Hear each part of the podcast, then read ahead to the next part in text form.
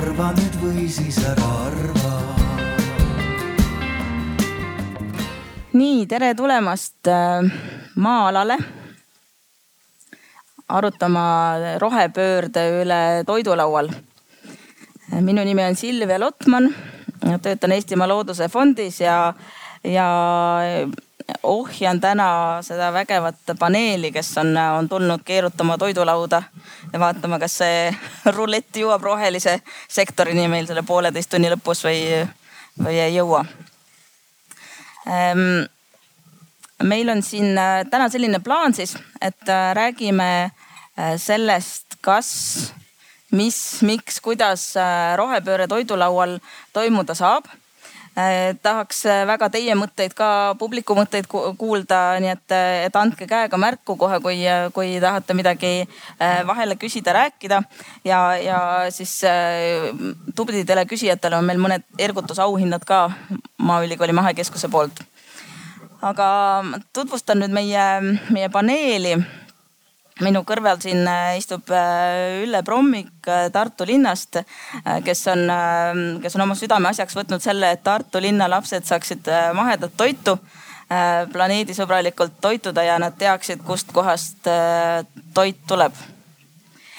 Siis edasi on meil Anneli Holm otse Muhu saarelt, kes sööb igapäevaselt värsket kohalikku liha ja kala ja, ja on, on kohalik looduskaitsja ja Maaülikooli teadur, ökoloog siis on äh, meil Laura Truia ka on kohalik äh, toiduaktivist, kes on tegelenud toidu päästmise ja, ja, ja, ja rohelisema toidu, toidulaua teemadega, et kuidas, kuidas seda kohalikus, kohalikul tasandil üks, üks inimene siis, siis oma kogukonnas teha saab. Äh, siis on meil Maaülikooli äh, asekantsler Siim, ma, vabandust, Maaeluministeeriumi äh, asekantsler Siim Tiidemann, kes ma loodan, tutvustab meile täna sel, seda, et, et mis see rohepööre siis, siis Euroopa Liidu tasandil on.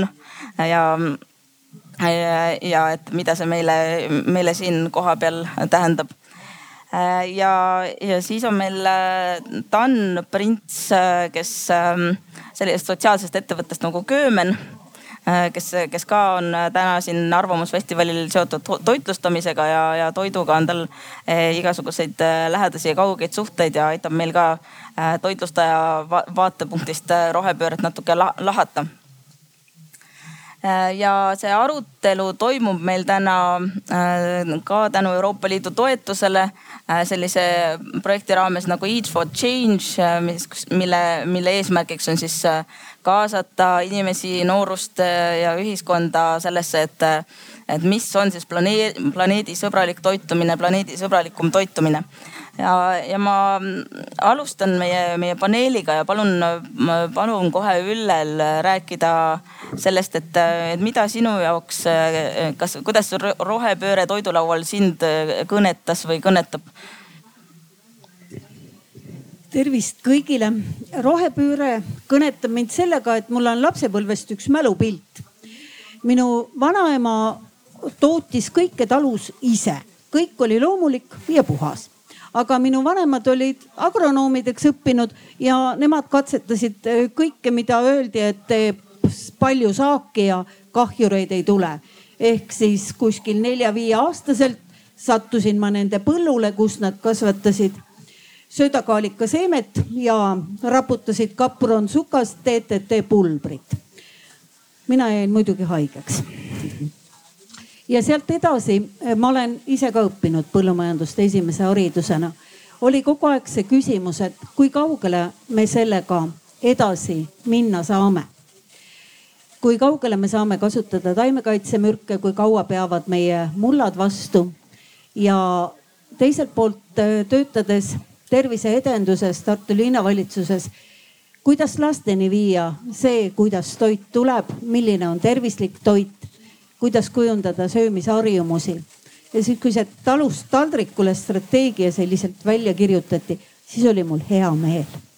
nii et rohepööre kõnetab. aitäh, Ülle. Anneli, kas äh, rohepööre sind isiklikult kõnetab, kuidas toidulaual?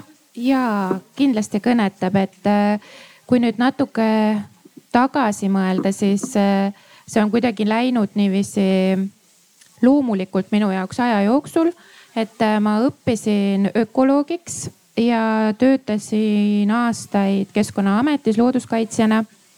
ja kuidagi see, mul on alati olnud selline mõtteviis, et ma tahan nagu kõiki asju ise järgi proovida et, et kui ma nägin, et see nende maaelu äh, idülliline ise toidu kasvatamine, loomade kasvatamine ja viis aastat tagasi siis kolisingi oma perega Muhu saarele ja hakkasin lambaid kasvatama.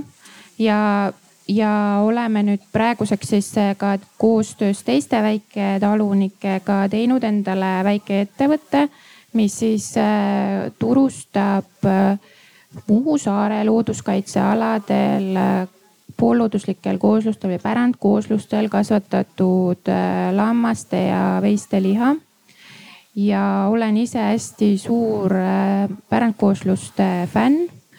karjatame ka ise pärandkooslusi ja see on selline, ma ütleks, et äh, natuke võib-olla minu erialast väljas on see toidu tootmine, aga samas äh, kui sul on äh, ettevõtlikkust ja tahet, siis ma ütleks, et täiesti võimalik on ise tegeleda sellise väikeettevõtlusega, ilma et sul oleks nagu eelnevat kogemust. ja siis, kui see talust taldrikule strateegia sai nagu selliseks suuremaks äh, avalikkuse, avalikkuse ette toodud, siis ma just minu mõte oli see, oh, me juba teeme seda, et see on nagu, see ongi see, mida me oleme kogu aeg nagu teinud, et, et äh, hästi tore, et äh, inimesed tegelevad sellega. ja et see on, ma loodan tõesti, et inimesed rohkem mõtlevad selle peale, et, et, et ma ei püüa öelda teistele, et te peaksite midagi tegema, vaid mõelda selles suunas, et mis ma ise saaksin teha selle jaoks, et see muutuks nagu tavapäraseks äh, meie toitumisnormiks. Äh, aitäh. Laura, räägi oma lugu toidu ja, ja rohepöördega seoses minu isiklikum lugu sai alguse aastal kaks tuhat kümme, kolides üheks suveks siis peale esimest kursust Ameerikasse. Äh, natuke laiemaks taustaks, kaks tuhat kümme aasta oli ka see, kui nafta puurtorn Mehhiko lahes siis äh, lõhkes ja meie elasime siis selle lahe ääres niimoodi, et iga päev ootasime aknast ja vaatasime, et millal see nafta siis sinna meie, meie koduranda jõuab ja, ja me olime siis äh, kaks-kolm kuud suvel seal ja selle aja jooksul me kõik võtsime kõvasti kaalus juurde Äh, saime külge erinevaid haigusi, igasugused põletikunäitajad hakkasid tõusma. Äh, mis võib-olla kõigile tundub noh tavapärane, et sihuke Ameerika elustiil, aga minu küsimus peale seda oligi see, et äh, aga tegelikult meie toidus ei muutunud väga palju, et me toitusime seal üsna sarnaselt, kuidas me Eestis toitusime, et no mõni asi võib-olla oli natukene rohkem kui siin, aga mitte nii märkimisväärne, et, et oma tervises seda äh, Äh, et see nii palju tunda annaks. Ja, ja see inspireeris mind küsima, et see oligi justkui nagu ajahüpe, et kas meie oleme ka selle poole teel, kas ma, kas ma tahan, nüüd on üle kümne aasta möödas, me oleme sinnapoole teel et kas, kas ma tahan sellist maailma, kas ma tahan edasi näha neid süvenevaid haigusi ja, ja mida mina saan siis teha, et, et seda vältida ja siis ma läksin äh, ülikooli kõrvalt siis äh, toitumisnõustamist õppima. ja noh, see oli tegelikult siis kõikide nende edasiste lugude algus, aga, aga see laiemalt ka nii need toiduteemad kui üldse keskkonnateemad, et, äh, et see Ameerika nagu avas mulle silmi, mille suunas me teel oleme mm. -hmm. aitäh kindlasti tahaks edasi kuulda seda sinu lugu, aga, aga kõigepealt küsime Siimu käest, et, et sa käid ka tihti Brüsseli koridorides ja see eh, müstiline talust taldrikule sõna on siit juba, juba, juba läbi jooksnud, et, et kuidas rohepööre ja, ja see talust taldrikule mõiste eh, sinuni jõudis ja, ja mida see tähendab eh, ministeeriumi kabinetist vaadates? ja aitäh, et no see on iseenesest pikk lugu, kuidas ta minuni jõudis konkreetselt, aga tegelikult astus ametisse uus Euroopa Komisjon mingil hetkel ja nad äh, panid endale kaks peamist eesmärki, üks oli siis rohelisemaks muutuda, teiseks nagu rohkem digitaliseeruda. Et need kaks äh, eesmärki siis uue komisjoniga kaasa tulid ja sealt äh, tulenes ka rohelepe ja roheleppel teatavasti oli seal, ma ei tea, kakskümmend seitse erinevat algatust selle all, millest üks siis oli ka talust taldrikule strateegia, mis peaks siis ümber kujundama meie toidusüsteemi et laias laastus on tegelikult globaalselt sarnaseid tendentse ka päris pikalt olnud, et ma ise töötasin ju pikemalt ka Roomas ÜRO äh, juures. et ka äh, ÜRO Põllumajanduse Toiduorganisatsioonis on pikalt räägitud toidusüsteemidest, eks ole, nii üle kui alatoitumusest. loomulikult seal globaalsel tasandil vaadatakse võib-olla veidi enam seda äh, näljahädaga seonduvaid küsimusi ja just seda alatoitumust, aga üha rohkem on sisse tulnud ka kogu see nii-öelda tootmissüsteemide, tootmisskeemide küsimused et äh, aga äh, siis, kui komisjon selle talust taldrikule strateegia avaldas, et siis tegelikult strateegia on ju strateegia, see on komisjoni nägemus, et äh, liikmesriigid ei ole sellele alla kirjutanud selles mõttes, et kõik oleksid nüüd kokku leppinud, et täpselt nii tegema hakatakse.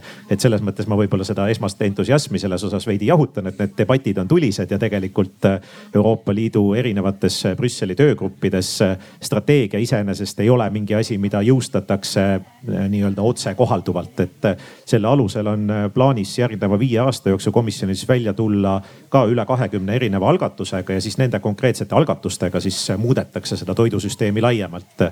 aga võib-olla, kui ma kaks sõna ütlen lihtsalt selle toidusüsteemi ja, ja selle kestlike toidusüsteemide kohta, sest see on tegelikult selline äh, võtmetermin kogu äh, toidu tootmise tulevikus, et näha seda kõike holistlikumalt, et äh, toidu tootmises siis toidusüsteem kui selline algab, eks ole, tootjast, liigub edasi töötlemise, jaekaubanduse, tarbija ja sealtkaudu ka toidu raiskamiseni. ja ühtlasi muidugi siis põllumajandustootmises veel erinevad sisendid, eks ole, me räägime siin seemnetest, mullaseisundist, kõigest muust. et vaadata seda kõike kuidagi nii-öelda kontsentreeritult ja see sõna kestlik sealjuures tähendab siis ütleme kolme erinevat kestlikkuse dimensiooni, mis peavad omavahel olema seotud, et loomulikult ei saa nagu minna vastu kuidagipidi keskkonnale, et sellest, see teadmine hakkab Euroopas kohale jõudma või viimasel kahel aastal on see väga tugevalt jõustunud Äh, siis teiselt poolt on seal siis majanduslik dimensioon, sellepärast et meil on põllumajandustootjad, kes soovivad endale leiba lauale teenida toidu tootmisega ja me kõik soovime ka süüa, eks ole, mis tähendab seda, et toiduga kindlustatus, toidujulgeolek äh, on, on selle, selle paradigma teine külg. Ja siis kolmandaks ka sotsiaalne pool, ütleme äh, elu maal laiemalt ja, ja, ja selle seos ka toidu tootmisega et need kolm nii-öelda dimensiooni omavahel põimituna kogu toidu tootmissüsteemile on see, mida püütakse siis komisjoni algatusega Äh, meie lauale tuua mm. -hmm. see oleks selline lühike kokkuvõte mm. -hmm. aitäh. Ja äh, siis ähm, Dan, sinu käest, äh, sina, sina tood Eestisse kohale hoopis teistsuguseid vaateid toidulauale, et kas sa tutvustad oma, oma kokkupuudet rohepöördega ja toidulauaga? ja, et minu kokkupuude saigi tegelikult selle köömne köömnega algust, et kuigi me oleme sotsiaalne ettevõte, kelle eesmärk on läbi toidu siis äh, uussisserändajaid, pagulasi aidata tööturule ja kasutada ära oskusi ja realiseerida inimesi nii-öelda, et nad istuks kodus. et see on meie peamine eesmärk, aga läbi selle me saime noh, et meie juurest on käinud läbi kokad Süüriast, Eritreast, Mauritiuselt äh, üle kogu maailma ja siis oli lihtsalt nii-öelda töö käigus kuidagi väga lihtsad lihtsad ja loogilised sammud ja otsused tulid ette, et ei, me ei pea, noh, mina kui nii-öelda väike, väikeettevõtja, et me ei pea võtma mingeid, ma ei tea, alati Beyond Burgerid ja selliseid asju, et tegelikult üle maailma on tohutult palju väga-väga lihtsaid asju, mida saab teha. et noh, just taimsed toidud, millega tegelikult lihtsalt teed lihtsa valiku ja äriliselt on kasulik, tore on, maitsev on, huvitav on, et miks mitte. et see on nagu meie jaoks üldse eriti suur küsimus jah. Ja noh, järgmine samm on muidugi selles see, et, et, et ka Eestis on tooraineid, mida võib-olla ei ole, ei ole oskust kasutada sellise ampluaaga, mida tegelikult saaks. et noh, meil on herned, millest Mauritiusel tehakse üliägedaid äh, falafeleid ja, ja kõik edasi nii, et tegelikult on hästi palju sellist lihtsaid samme, mida iga inimene saab teha äh, selle nimel, et natukene rohelisemaks minna. et äh, toit Äh, selline roheline, planeedisõbralik, kestlik toit ei pea just äh, olema midagi väga peent, elitaarset ja kallist. täpselt. kas sa jagad meiega ka mõnda retsepti, mis, mis sinu arvates teie köögis on, keegi on, keegi on toonud mõne põneva retsepti, mis sa oled mõelnud, et ahaa, vot see on, see, see muudab minu kodutoidulauda või, või ma isegi jagan võib-olla maitsmiseks aga ja ei, falafelid kõige kergemad asjad. aga internetis saate guugeldada palju asju, kui te guugeldate Mauritiuse falafeli retsepti, siis see on äh, täitsa Eesti hernestest, mis igas pool saab poest kätte ja saab teha ja üliülikerge. lihtsalt äh, paned likku, blendrisse on olemas mm. -hmm. Siim, kas ähm, maaeluministeerium, kui ähm, meile seda talust taldrik, talust taldrikule strateegiat ja rohepöörde strateegiat äh, Eestis siis äh, nii-öelda maale toob rakendab, et äh, mida, mida siin saalis inimesed peaksid teadma või, või mille, kuidas nad saavad kaasa rääkida selles, et, et, et kuidas see Eestis rakendub? et noh, tegelikult meil on päris suur kaasamisprotsess ka käinud, et üsna erinevatel tasanditel, et hiljuti sai kokku lepitud põllumajanduse kalanduse arengukava riigi tasandil, kus meil oli üle viiesaja inimese kaasatud sellesse nii-öelda protsessi. ja see on nüüd valitsuse poolt heaks kiidetud, mis meid järgmise kümne aasta jooksul peaks peaks ühel või teisel moel ka juhtima ja mis on ka aluseks meil siis Euroopa Liidu rahade sellisele noh katusstrateegiana rahade jagamisel. et kuhu poole me püüelda võiksime et see kindlasti võtab päris olulisel määral arvesse ka neid samu eh, roheleppe eesmärke. ja roheleppe enda puhul oleme me ka tegelikult eh, vähemasti huvigrupid eh, erinevad laua taha kutsunud ja talust taldrikule kohta on ka valitsuse seisukohad koostatud juba circa siis aasta tagasi enam-vähem et eh, millest me nii-öelda raamina lähtume, aga iga kord tuleb muidugi igaks konkreetseks asjaks veel eraldi seisukohad teha, et see protsess on üsna bürokraatlik ja küllaltki keeruline iseenesest, et kuidas sinna kaasuda. ja sellest läbinärimine ei ole väga kerge, et eriti kui see ei ole nii-öelda põhikohaga töö. et meil ministeeriumis kindlasti, kus on mõned inimesed, kellel see põhikohaga töö on, et nemad suudavad kogu seda nii-öelda paletti teatud määral ka, ka hõlmata aga muidu see on päris keeruline, sellepärast et neid, kuidas öelda, vastastikuseid mõjusid on seal väga palju, et ega üks Äh, nii valitsus kui, kui ministeerium püüab ju reeglina leida mingisugust kompromissi ühiskonnas, teatud keskteed, eks ole, erinevate äh, huvipoolte, erinevate, erinevate osade vahel.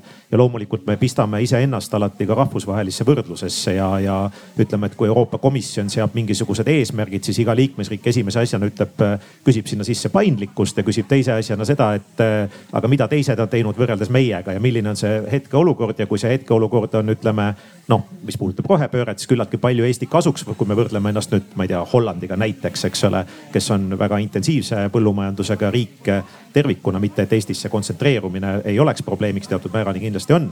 et, et siis seal rahvusvahelises võrdluses, kuna meil on avatud turg, eks ole, me peame vaatama ka tootjate konkurentsipositsiooni siinjuures.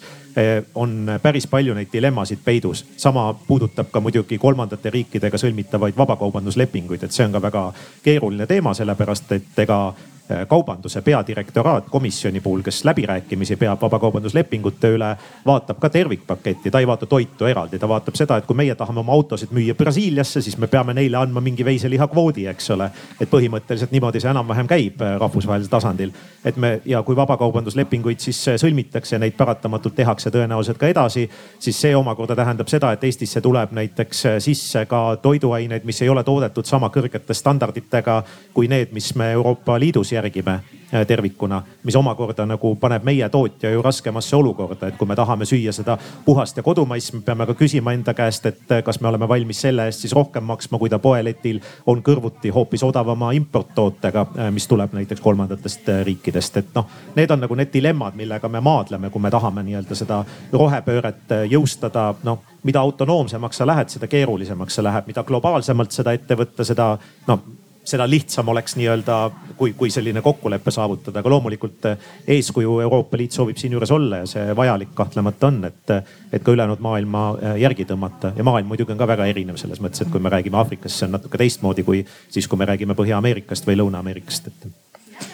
aga kui ütleme, et inimene Eesti Vabariigi kodanik ei ole, ei ole just, ei tööta sel alal, et, et mõjutada maaelupoliitikat, et siis, siis kõige rohkem, mis ta ise teha saab, on see, mis ta oma toidulaual otsuseid teeb või mis ta veel võiks või peaks. suuresti küll, ma arvan, et tarbija käitumine on väga oluline iseenesest, et et mida suurem on tarbija nõudlus ka keskkonnasõbralikult toodetud äh, toidu järele, mida rohkem uuritakse, küsitakse, survestatakse ka, seda enam tullakse kaasa, et praegusel hetkel me ikkagi näeme ka positiivset, isegi suurte puhul näeme positiivseid tendentse, kui me võtame nagu ma ei tea E-piima, kes teeb äh, rohejuustu nüüd, eks ole, või me vaatame, ma ei tea, Rimi, eks ole, kes on teinud taluletid, et need on ka kõik ju teatud määral, nad on noh, ega olgem ausad, et ega üks suur kaubanduskett ikkagi eelkõige soovib teenida kasumit, mis tähendab seda, et ta paigutab oma äh, lettidele tooted, mis müüvad.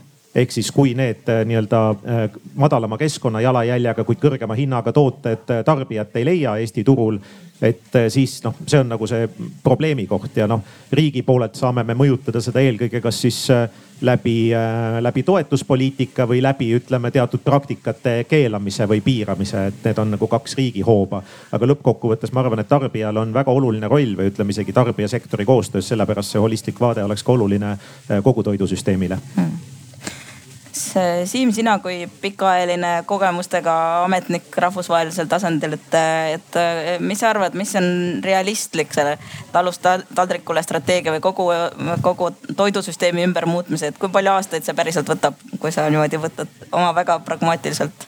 see on inimeste peas kinni päris suuresti, et ütleme nii, et kui ma globaalselt seda vaatan, eks ole, et niipea kui me tõstatame mingisuguse küsimuse äh, roheleppega rahvusvaheliselt või Euroopa Liit siis tõstatab, siis on kohe äh, uks, kohe on platsis näiteks Äh, Ameerika Ühendriigid, Kanada, Brasiilia, Argentiina, kes ütlevad, et Euroopa Liit seab sellega ebaausaid kaubanduspiiranguid ja üritab hoopiski nagu globaalset süsteemi hävitada.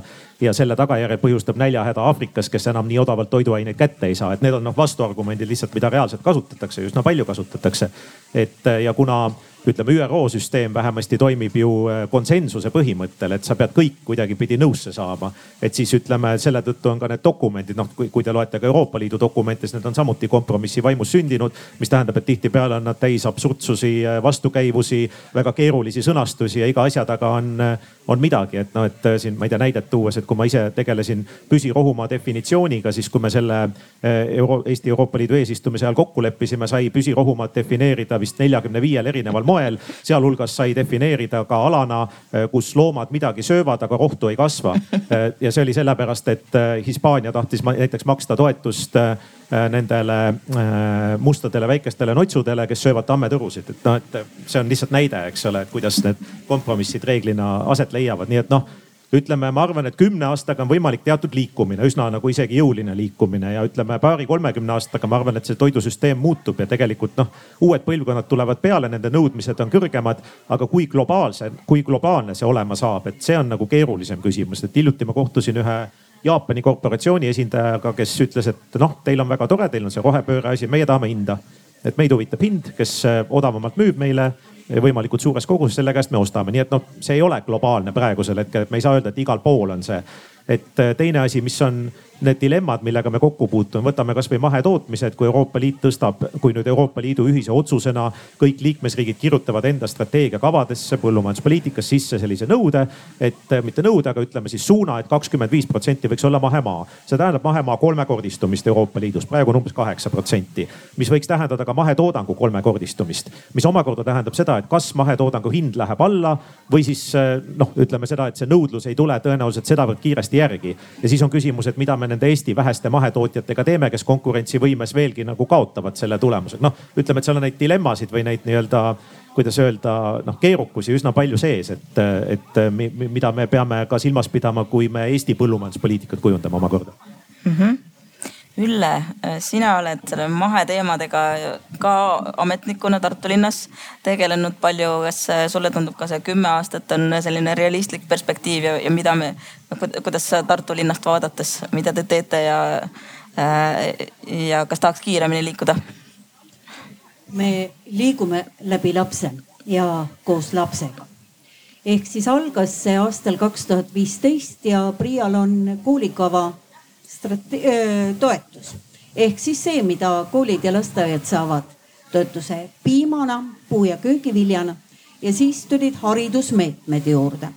meie lähenesime sellele niimoodi, et näidata linnalastele, kuidas toit tuleb meie lauale. ja algas ta puu- ja köögiviljaga ja tegelikult lapsed ei olnud saanud ise mahetaludes käia see programm on seal ehitatud üles nii, et nad saavad mingi oskuse õppida, läbi teha.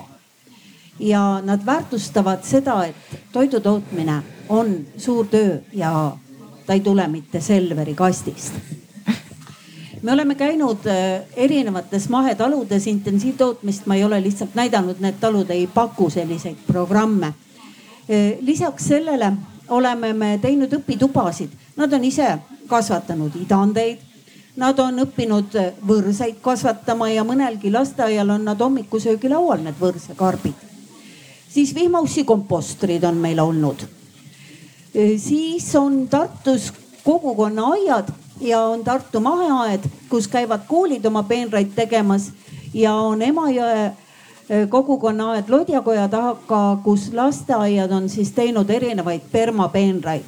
Ehk siis eesmärk on muidugi see, et eh, haridusasutuste õuealadele eh, nad neid peenraid ise rajaksid, õpiksid, mis selle taime ja keskkonnatoimega on ja tegelikult, et me seda arendada oleme saanud, on väga suur tugi tulnud Eesti Maaülikooli mahekeskuselt. Helen Peetsman, professor Anne Luik. Anne on teinud väga vahvaid töötubasid, kus lapsed tõesti on aru saanud, mis asi on mahe. Mm, kes on jooksiklased seal putukariigis. ja selliseid teadlastega koos. PRIA projekt on lasteaialapsed ja esimene kuni viies klass Eh, oli ka sordiaretuse töötuba, kus Jõgeva sordiaretusjaama teadlased tegid õpitoad, lapsed said uutele tomatisortidele nimesid panna. ja ma ise vaatasin seda kõrvalt ja mõtlesin, oi kui palju saab kaks korda nelikümmend viis minutiga lastega koos ära teha ja teades seda, et mingis hetkes õpilastel ka huvi kaob, võib-olla see algklassis saadud huvi, et mida see sordiaretaja elus teeb viib ta ka õppima seda põllumajandust. ja sinna juurde käib veel ka ise kokkamine, arstiteaduskonna tudengid tahtsid teada, eh, mis on tervislik toitumine, harisid ennast natuke selle koha pealt ja läksid meil koolidesse lastega koos kokkama. Et eh, sellised praktilised rakenduslikud oskused on üks külg, mida teha ja see PRIA koolikava kaasnevad haridusmeetmed, see uus meede läheb nüüd kohe lahti jälle. oktoobri keskpaigas on võimalik ju taotlust esitada. teine pool on, mida haridusasutustes lapsed söövad, millised on need menüüd. kui palju nendes on nüüd mõeldud sellele rohelisele mõtlemisele raskuspunkte on kaks. üks raskuspunkt on kokkade oskus pakkuda natuke rohkem köögivilja või kaunviljatoite ja muuta neid menüüsid õpilaste jaoks või laste jaoks ootuspärasemaks. siin on vaja nüüd kokkadele tõesti praktilist koolitust, muidu, muidu seda ei ragista. Linnatoitlustushangetes, mida me oleme siin teinud, on sees see mahenõue ja viimaste hangete protsent on viiskümmend üks protsenti, nii et ma väga-väga loodan, et see talust taldrikule ikka toimima hakkab ja meil seda mahetoorainet Eesti tootjatelt ikkagi valida on? ma küsin vahele üle, et kas Tartu linnas, kui on haridusasutusele tahad toitlustust pakkuda peab, peab viiskümmend üks protsenti olema mahetoit? Kui sa oled selles hankes osalenud ja andnud vastavuse, et sa oled nõus garanteerima viiskümmend üks protsenti eh, kakskümmend viis on kohustuslik. ja kolmas ja kas on, asi. kas on Eestis kõige suurem protsent, mis on äh, kohalikul omavalitsusel selliseid? ma ei tea Võru protsenti, ka Võru on teinud seda hästi palju. ja kolmas asi on meil veel. Eesti roheline liikumine veab kliimasõbraliku koolisöökla projekti Klikis. ja sealt osaleb Tartust lasteaed Pääsupesa ja Tartu Descartesi kool. Descartesi kool on ka Taimse teisipäeva kool ehk siis see kogemus, mis sealt tuleb, me tahame jagada seda ka teistele, mitte ainult Tartu linnas, vaid ka läbi Tervise Arengu Instituudi kanalite eh, ka mujale. ja seal on toiduvalik on esimene meede ja vähem liha, rohkem köögivilju, tasakaalustatud menüüd, arvestada hooajalisusega, kasutada rohkem kohalikku toorainet järgmised meetmed puudutavad nüüd seda köögitehnika kasutamist, kuidas see on valitud ja kuidas kokad seda kasutavad. siis on pakend, ja toidu raiskamise ennetamine. ja esimesi sammukesi meil juba tegelikult lasteaedades ka tehakse, toitu jääb järele. seda ei raatsi sinna biojäätmetesse visata, see on see puhas korralik toit. Et kuidas viia see nendeni, kes seda vajada võiksid. ehk selle poolega, mm, et seda toidu raiskamist vähem oleks, ka see toetab. et selliseid suundumusi me seal käime ja raskuspunkt on tõepoolest lasteaiad ja koolid ja õpetajate kaasamine. kes Tartusse satub, vaadake Maarja mõisa lasteaia õuealale, seal on rajatud suur permaaed ja lapsed ise kasvatavad ja, ja rohivad. Tartu lasteaial Lotte on kanad, kolm kana, väga uhke kanamaja ja lapsed sorteerivad oma toidujäätmeid niimoodi, et, et mida kana võib süüa ja mida me kanale anda ei tohi, mis läheb muidu biojäätmetesse aga see eeldab kõik õpetajate valmisolekut lastega koos teha. koroonal oli üks hea külg, õues õppima tuli hakata ja et midagi asjalikku õues teha, siis õpetajad müttasid seal mulla, taimede, putukatega, et äh, avastada ja aru saada, mis meie ümber toimub ja kuidas see mõjutab meid, meie tervist ja meie olemist. nii et aitäh. sa Ülle, kas sa arvad, et kümne aasta pärast on, võiks olla kõikides Eesti koolides oma toiduaed ja, ja, ja sada protsenti mahetoit kooli, kooliköögis? ta ei peaks olema kõik nüüd see sada protsenti mahe, see ei ole ka tõenäoliselt reaalne. aga ta võiks olla ikkagi ka see keskkonnasõbralikult toodetud ja, ja pigem võiks olla seal ikka rohkem seda kohalikku et mina küll unistan, et Tartumaa tootjate toodang jõuaks koolisööklatesse, koolipuhvetitesse. ei taha kogu aeg näha, et seal on välismaine õun või, või tont teab mis. seda hooajalisusega arvestamist tegelikult toitlustajate poolt on päris vähe kas ma saan õigesti aru, Ülle, et sinu jaoks on olulisem see, et see sööja saab rohkem aru, kust söök tuleb, tunneb, et see on kohalik, kui see, milline silt ja milline protsent seal juures on? Et ta oleks tervislik, et ta ei sisaldaks midagi, midagi hullu, sest ega me ju täpselt ei tea, kuidas see pestitsiidide rida meie ja meie laste ja lastelaste tervisele mõjub. kui kaugele me saame minna selle põllumajanduskeemia nii suure kasutamisega mm. -hmm. aitäh. Laura, sina just eh, jutu alguses siin rääkisid sellest, et, eh, et kuidas Ameerikas elades kümme aastat tagasi eh, sul oli selline tunne, et see põllumajanduskeemia jõudis kuidagi, hakkas mõjutama juba tervist, et sa räägid edasi, mis sa siis siin Eestis teinud oled, kui te tagasi tulite?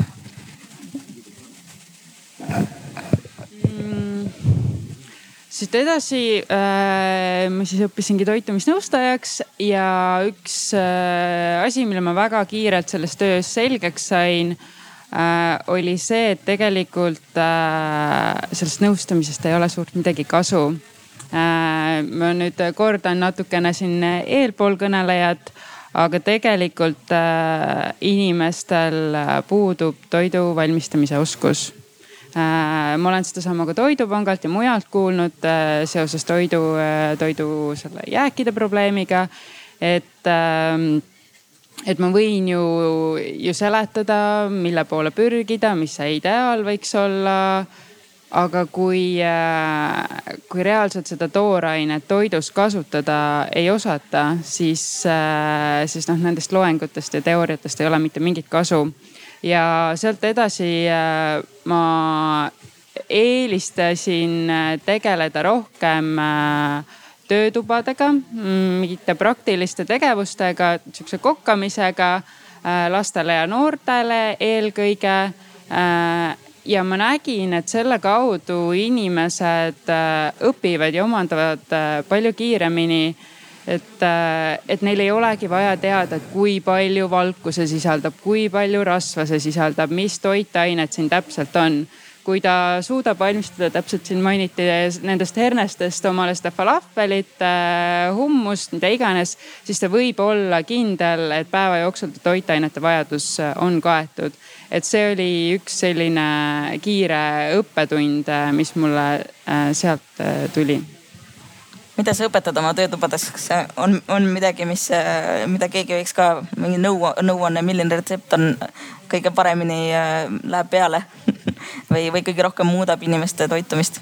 Selle pealeminekuga on ka niimoodi, et äh, kui me lastega alustame ja ma võib-olla võtan mingeid äh, toiduaineid kuskilt välja, siis tuleb sealt noh, kohe see mingi ei noh, seda küll ei taha ja ei, seda ei söö ja. no ma arvan, et siin on kõik seda kogenud ka, et aga kui sa selle lapsega koos valmis teed, siis äh,, siis ta sööb selle hea meelega ära. ja mul oli isegi üks näide eelmisest aastast, kus me tegime, rääkisime taimsest toidust, rääkisime vegan toidust ja tegime Äh, peediburgereid. Ja, ja võtsin äh, ikkagi lastele kaasa juustu, sest noh, me ei, ei tahtnud siin täitsa sihukese puhta veganlusteemaga peale lennata, et ikkagi võivad seda ka kasutada. Ja üheteistaastane poiss, kellel ei ole taimse toiduga mitte mingit varasemat seost ütles mulle, et oota, aga mis sa selle juustu siis võtsid, et kui meil on siin ikkagi nagu täistaimne toitumine, no siis äh, täna ei kasuta seda juustu ja siis ma olin, et ei no võib-olla, et võib siis julgem olla ja, ja ikkagi neid erinevaid äh, võimalusi neile vähemalt tutvustada, et see, kas ta järgmisel päeval, kuidas ta sellega edasi läheb, see on tema valik, aga aga jah, et mida, mida ma soovitaksin või mis kõige lihtsam võib-olla on, äh, mida paljud on ka kindlasti rakendanud, on äh, need hommikusmuutid ja see maailm, mida kõike sinna sisse annab panna toortatrast, kakaost, milleni iganes, et noh, sinna sisse mahutab kõik ära ja maitse saab ka tuunida täpselt selliseks, nagu vaja on, et noh, see on selline, igaüks leiab oma ja lihtne, kiire mm. -hmm siit käis läbi see kümne aasta perspektiiv, et milline on sinu unistus sellest, et kümne aasta pärast äh, Eestis inimesed söövad, mida poest saab osta? ma loodan, et me kümne aasta pärast oleme sellest sõltuv, toidu sõltuvusest, et meie toit tuleb kuskilt mujalt, sellest ikkagi lahti saanud. ma olen iseenda peal katsetanud, mul on linnaaed äh, ja eelmine aasta ma vaatasin, et ei ole mingi suur pindala, aga enam-vähem kuni jõuludeni põhimõtteliselt ma saaksin hakkama iseenda toiduga. et see pind, mida me vajame toidu kasvatamiseks, ei, ei ole üldse väga suur. Äh, sealt edasi saaks hakkama, aga see mitmekesisus äh, läheb oluliselt väiksemaks. et ähm, ja mul läks see küsimuse algus käest ära.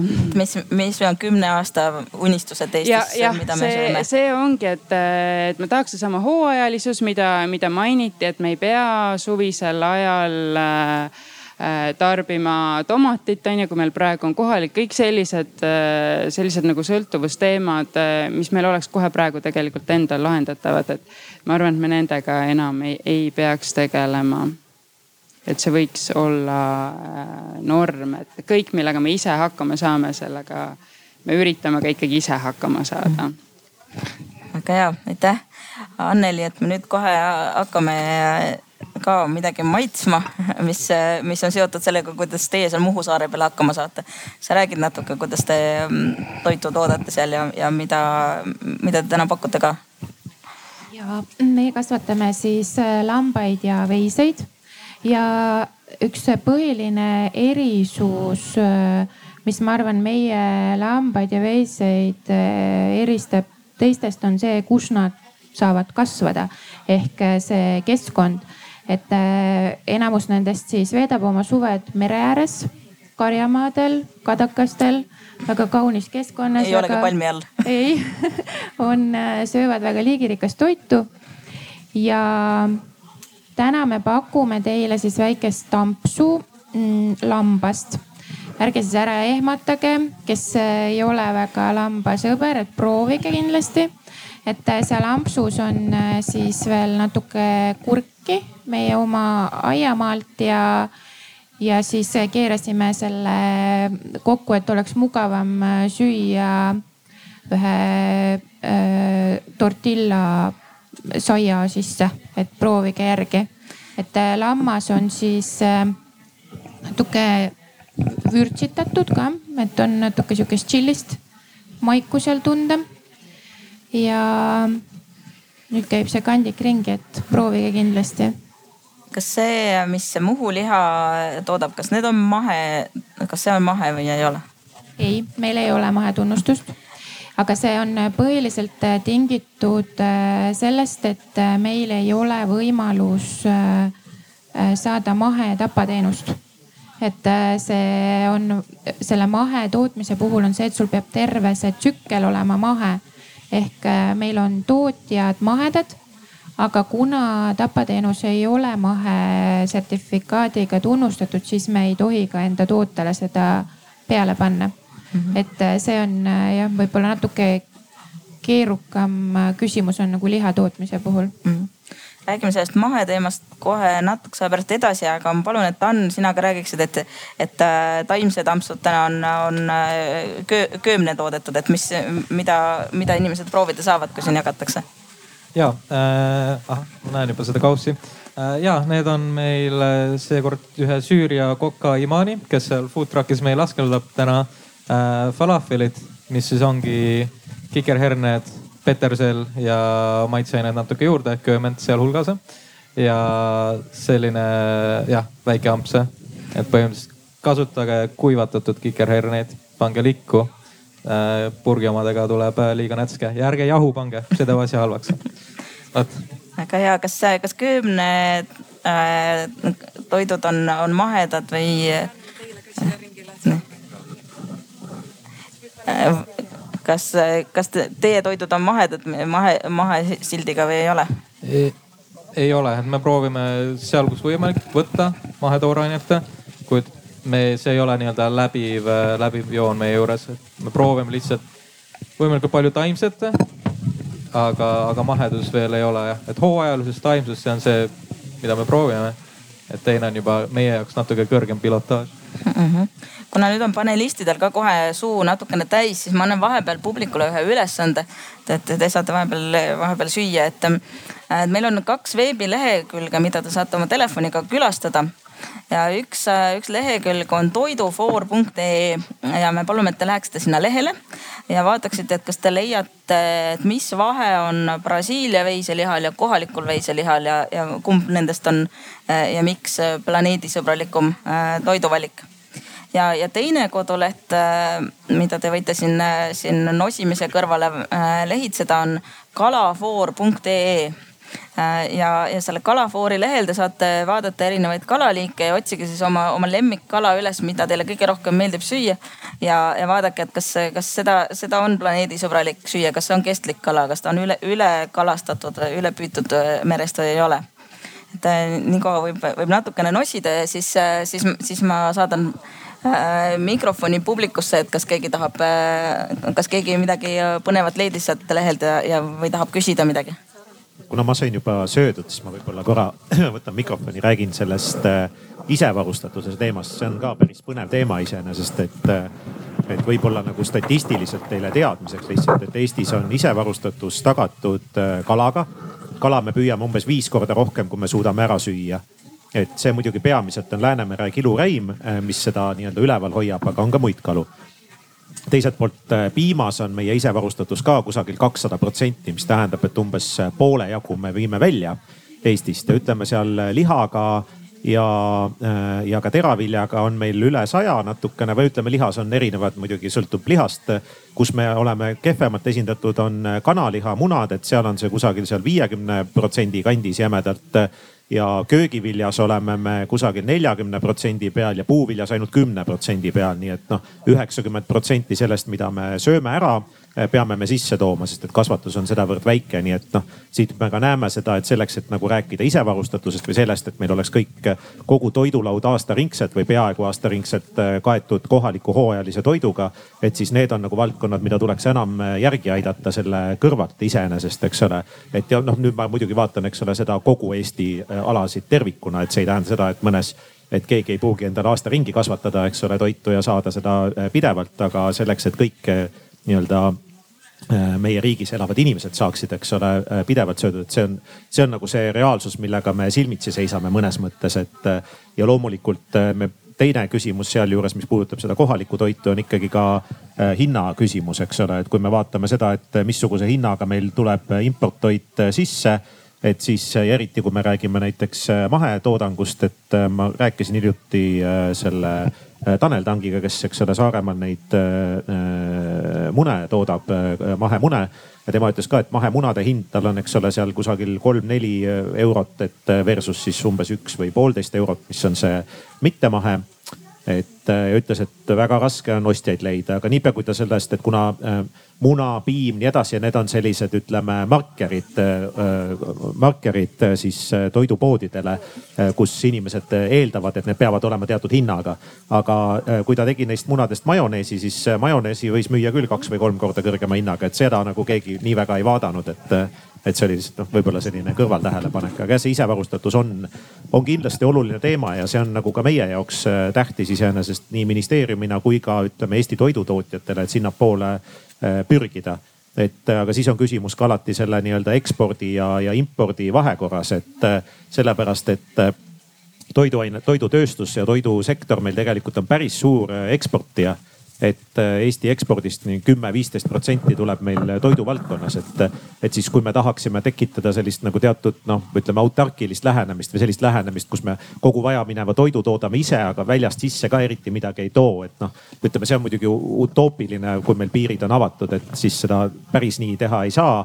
et aga siis on küsimus selles, et kui me näiteks liigutaksime näiteks ennast kuidagi, ma ei tea, mahe-Eesti visiooni poole, siis see tõenäoliselt tähendaks meil mõninga, mõningal määral väiksemat äh, toodangumahtu. Et siis on küsimus selles, et kas me seda väiksemat toodangumahtu hakkame ka eksportima, kasutame seda enda hüvanguks ja need ei saa olla riiklikud otsused, eks ole, et põhimõtteliselt need on ju lõppkokkuvõttes tootja sellised äh, teatud määral ärilised otsused nii et noh, kogu see isevarustatuse temaatika on, on selles mõttes ka küllaltki selline komplitseeritud mitmes võtmes. et praegusel hetkel me piima veame palju välja, kala veame palju välja, aga toome peaaegu kogu puu- ja köögivilja sisse, et kas see oleks mõeldav kuidagi teistpidi üles ehitada, noh ütleme isegi toetusskeemiga päris keeruline aga.... Laura tahab kohe, kohe midagi lisada. ei, ma küsiksin äh, vastu, et äh, oletame, et mina olen nüüd see inimene, kes siin koroonalaines tahab maale kolida ja, ja mul on pind olemas ja ma võiksin kohe midagi kasvatama hakata, aga mul puudubki see teadmine, et äh, mida vaja oleks, et kas, kas selline info on üldse, üldse kättesaadav, et äh, mida, mida ma siis täpselt, millist vilja, et äh, pirni, õuna, kaera, et, et kas selline info on jah, kuskil olemas? No meil on tegelikult ju nii, eks ole, et ka ministeeriumi poolt me toodame informatsiooni, aga me ei kirjuta ju tootjatele otseselt ette, et et te peaksite tootma ühte, teist ja kolmandat, et sektor seab enda eesmärgid, et sektor on meil koondunud esindusorganisatsioonidesse, Põllumajandus-Kaubanduskoda, Taluliit, eks ole, et nende kaudu saab kindlasti päris palju seda infot, mida Eestis kasvatatakse. me pidevalt küll seirame, monitoorime ja anname välja statistikat selle kohta, nii et põhimõtteliselt on teada see ka isevarustatuse tase. lisaks sellele on ju PRIA-s erinevad meetmed toidutootjatele, et kui sa oled algaja toidutootja ja sooviksid nagu näiteks mingisugust toetust saada, siis millele toetust antakse, et reeglina ütleme võib-olla rohkem me püüame suunata ka neid toetusi sinna, kus meil on suuremad puudujäägid, mis nagu noh, omakorda võiks võiks innustada kedagi midagi tegema. mis puudutab köögivilja ja puuviljakasvatust, siis see on ka sellepärast natukene võib-olla lihtsam alustavale äh, toidutootjale, et äh, ta nõuab vähem pinda lihtsalt puhtfüüsiliselt, et selleks, et tulla ots otsaga kokku näiteks teravilja kasvatajana peab sul olema kolmsada, võib-olla isegi viissada hektarit, et seda maad sul ei ole kusagilt võtta, eks ole. et äh, kui sa alustad ja sul ei ole päranduses kusagil mingisugust suuremat pinda ja et miks ma seda küsin, oligi see, et mulle meenus üks lugu, äh, kui ma suhtlesin ühe veinitootjaga, kes ütleski, et äh, muidu justkui nagu kodumaised veinid, ainult et tooraine tuleb mujalt, et, äh, et miks see siis nii on. Ja nad ütlesidki, et et äh, ei no ja, et aga Eestist ei ole ju mingeid musti sõstreid ega, ega muid marju võimalik saada, et need kogused on, on nagu olematud ja tegemist ei ole on ju mingi hiigelsuure tootjaga, ikkagi, ikkagi väikse ja kohalikuga. et kui isegi nemad ei suuda tavapäraseid Eesti marju kuskilt saada, siis, siis mulle tundub, et võiks rohkem vihjata, mida, mida meil, mida me vajame. ja väga suur osa sellest nagu varustatuse puudujäägist on kommunikatsiooni ja, ja otsade kokku, kokkuviimise äh, juures. aga lähme kohe siit edasi, ma küsin, kas keegi leidis midagi Brasiilia liha kohta, midagi põnevat, tahab keegi kommenteerida, küsida?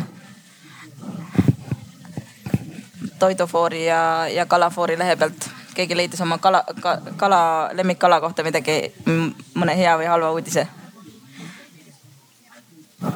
Meil on äh, siin äh, tublidele küsimuste esitajatele ka mõned ergutusauhinnad, nii et, et praegu on võimalus esitada paneelis kellelegi küsimus. tere, võib-olla te juba katsite selle ära ja nagu ma aru saan, te olete kõik, osa teist on ka ettevõtjad. aga kui nüüd kolib maale inimene, kes ei taha hakata põllutootjaks ehk tahab oma peenart tegema hakata, siis äh, millised on teie soovitused tõesti sellisele inimesele, inimesele, kes nüüd Covidi ajal tahab aknalaua peal või peenras hakata salati kasvatama? et, tootmiseks, kellelegi müümiseks? mitte, ei, mitte enda jaoks, et tahabki olla ise omaenda julgeolek. et mida võiks kasvatada endale? Ta ei taha hispaanlastele Hispaania karbisalatit, tahab nagu ise hakkama saada et kust ta selle jõu võtab ja millest ta alustab?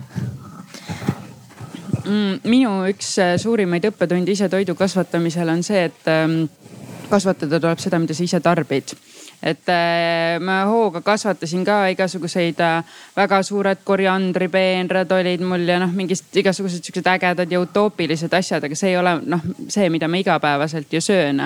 ja nüüd ma olen püüdnud siis kohandada seda aeda, et proportsionaalselt see ruum läheks rohkem lihtsalt sellele, mida ma ka rohkem tarbin, et võib-olla see oleks üks sihuke et läbi mõeldes, et mida, mis on praegu need asjad, mida ma poest ostan ja mida ma saaksin siis äh, asendada. ja, ja kõik need eksootilisemad ja huvitavamad asjad siis võib-olla natuke väiksemates äh, kogustes kasvatada. Anneli ja räägi sina ka, kuidas te alustasite oma, oma kodus toidu tootmisega ja mida sa soovitaksid? ja et äh, seal maale kolimisega seoses on jah see, et ikka siis sul on peenrama ka nagu ja siis meie tegime endale kasvuhoone kartulipõllu, suvikõrvitsad, kõrvitsad, kõik noh, nagu see traditsioonilised asjad, mida siis kasvatatakse aga minu soovitus on see, et kui sa hakkad peenraid tegema, siis ole valmis hoidistama, sest et kõik asjad saavad korraga ja hästi suures koguses tavaliselt valmis. et siis, kui sa nagu selle juba sinna kasvama paned, siis tavaliselt siis, kui need valmis saavad, siis on seda asja hästi palju ja siis sa ei suuda seda tegelikult ära süüa korraga.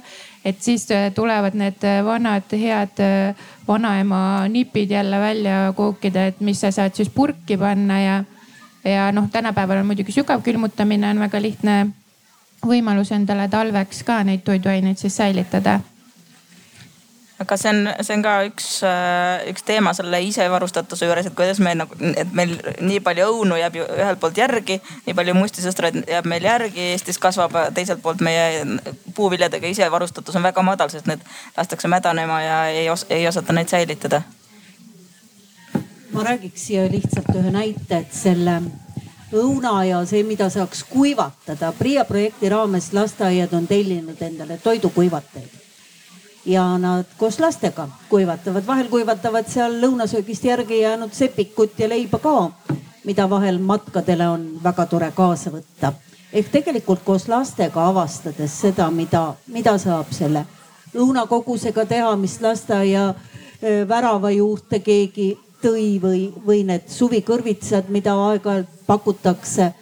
ja Ilmatsalu lasteaed Lepatriinu, mis ka on Tartu linna osa, ta tegi mandala peenrad täpselt sinnasamma kõrvale, kus on inimeste need tavalised aiamaad, noh, nii nagu ikka on porgandipeenar ja hernepeenar ja suurem osa maast on must, eks ole. nii nagu vanaemad tegid. ja mandala peenral on hästi tihedalt seltsilist taimed enda kõrval ja nüüd käivad pered seda koos õppimas, lapsed siis seletavad, et miks ja kuidas me tegime.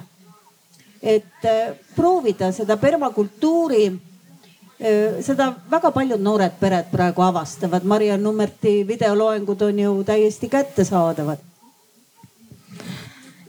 nii, me oleme rääkinud natukene sellest, et ähm, üksikisiku rollist, et mida ma ise teha saan. Dan, sina oled enne, enne seda arutelu öelnud, et sa oled natuke skeptiline selleks, selles osas, et, et üksikisiku peale pannakse liiga palju vastutust. ja olen lihtsalt võib-olla ma töötasin mõnda aega USA-s ühes kalatehases ja panin seal lõhetööstuses, tegin tööd ja lihtsalt pärast seda kui ma, ma arvan, ma ühe, ma ei tea, kümne aasta jooksul ma vist ei kasuta nii palju vett, kui ma ühe päevaga seal mingi ühe masina puhastamiseks lasime läbi jah. et noh, pärast seda kõik need kampaaniad, mida, natuke mind häirivad, et noh, minge käige kahekesi duši all ja siis samal ajal, kui sa hambaid pesed, kindlasti pane kraan kinni ja siis tee seda ja seda ja seda ja seda ja seda.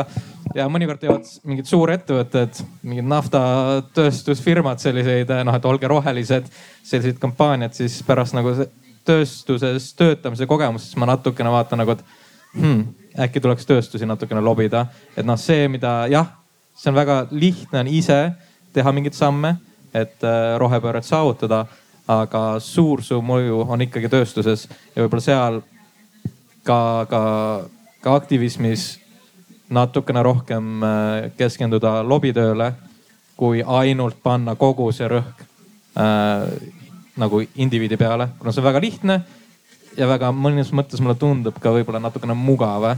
et aa jaa, kõik saavad ju teha, tehke, tehke, aga noh, ainult indiviidid ei ole ühiskonnas. Mis sa mõtled lobitöö all? mida, mida sa soovitad survestamine survestamine, ainuke asi. noh, okei okay., äh, et survestamine ikkagi ja eks see lõpuks on ka tarbijate poolt muidugi ühe poolega tuleb kätte. et ka mina ju noh, ettevõtjana võin äh, ise tahta, ma ei tea, mahetoodangut ja kõike sellist asja teha, aga kui see on kallim ja kui tarbija tegelikult seda ära ei osta, siis jällegi mul on ka natukene lühikesed käed. Et see on selline sümbioosne koostöö aga lihtsalt, et võib-olla meediapildis mul on jäänud nagu natukene tarbija suund ainult äh, silma.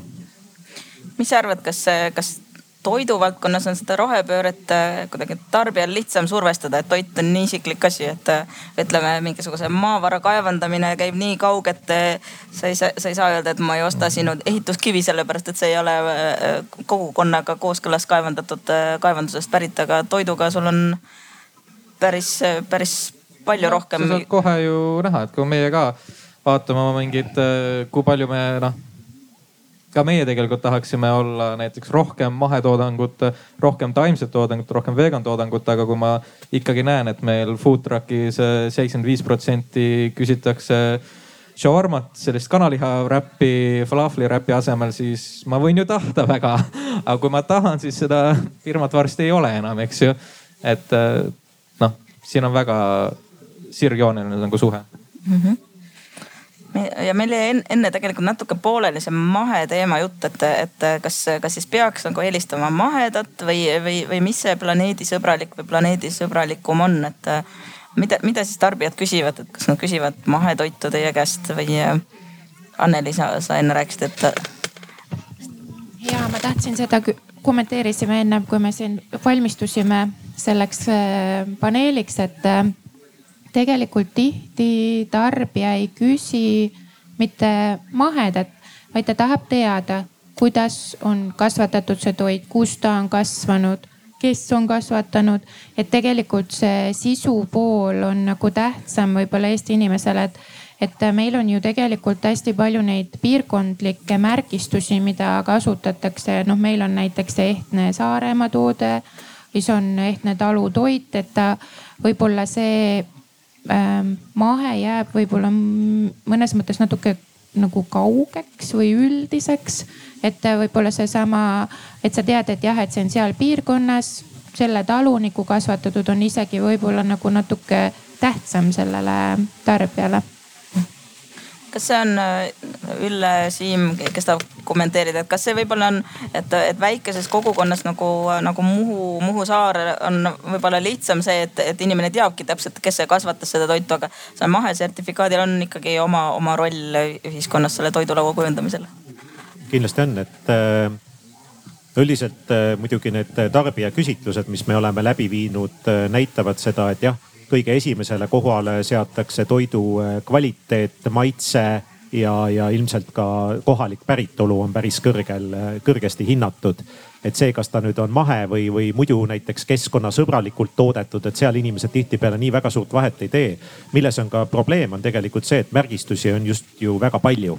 mis tähendab seda, et äh, noh, ja kuna see nii-öelda kiri on küllaltki väikene pakendil, eriti kui on tegemist näiteks väikese tootega, et siis on üsna raske nagu eristada ja eriti kuna praegusel hetkel komisjon tahab igasuguseid keskkonnamärgiseid meil juurde hakata tekitama, et et me ise oleme natuke nagu skeptilised, et kui seal on keskkonnamärgis, päritolumärgis ja kõik need muutuvad näiteks kohustuslikuks pakendil, et siis tarbijal on küll väga palju informatsiooni, aga kui palju meil poes tegelikult nagu inimene vaatab ja loeb seda kõike, eks ole. ja võib-olla kui ma olen restoranis, ma küsin, et kust see liha pärit on.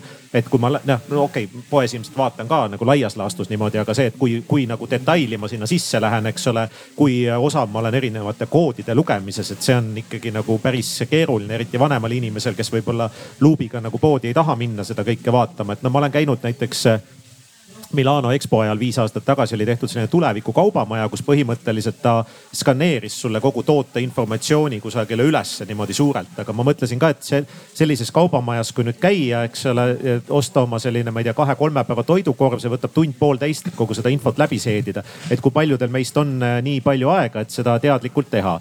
aga siis, äh, kui me ennem rääkisime sellest äh, tarbijapoolsest võib-olla survest või, või üldse nagu lobistamisest, et siis no hea näide on näiteks Hollandist äh, antibiootikumide kasutamisest loomakasvatuses, äh, kus äh, tehti vabatahtlike poolt selline lehekülg, kus sai siis ettevõte ise registreerida ja näidata, et kui palju ta antibiootikume kasutab. ja alguses ei tulnud väga kaasa, aga kuna tarbijad hakkasid selle kohta küsima, siis mingil hetkel tulid ettevõtted kaasa päris jõuliselt, päris paljud registreerisid sinna ennast ja selle tulemusena antibiootikumide kasutamine loomakasvatuses langes päris märkimisväärselt, sellepärast et keegi ei tahtnud siis tabelis viimane olla. et noh, sellised asjad, kui nad on piisavalt suure nii-öelda äh, mastaabiga, äh, on, on võimalik, et need nagu mõjutavad ka ütleme suuremate ettevõtete äh, käitumisjooniseid, et mm. -hmm. Ülle ökomärk on üks selline asi, mida toitlustajad saavad, saavad taotleda ja see ongi see, kui sul on kakskümmend kuni viiskümmend protsenti, üle viiekümne protsendi. ja see on see, mis seal lasteaia või kooli menüü kohal olles kõnetab vanemat ja teisipidi on ka, eks laste pärast on lasteaedadel ju ka omamoodi konkurents, et, et see lasteaia toit, see on üks kriteerium, mille järgi ju valitakse lasteaeda. ja seda ökomärgi taotlemist, no see on seotud nüüd mahetooraine valikuga. päris paljud toitlustajad ja kui lasteaed toitlustab ise, ka ise taotlevad et see on lihtsalt väljund, oma turunduse väljund, kuidas ta seda toitlustust korraldab. et kõikide nende keskkonnasõbralike ja kõikide muude asjadega ma ei ole leidnud sellist asja, mis vanemat kõnetaks niimoodi. Laura, mis, mis sina arvad, mis roll on äh, mahetoidul, kui oluline on see, et, et, et äh, toit on just nagu mahesertifikaadiga või nende mingite kindlate reeglite järgi kasvatatud? mm.? minu jaoks äh, see on ka mingite tootegruppide puhul olulisem kui teiste puhul. Ja, ja mahemärk on selles mõttes ka natuke libe tee, et, äh, et ma võin ju mahedalt kasvatada üsna sünteetilises kasvuhoones midagi, aga see, see ei suhestu kuidagi loodusega, see ei taasta mulda.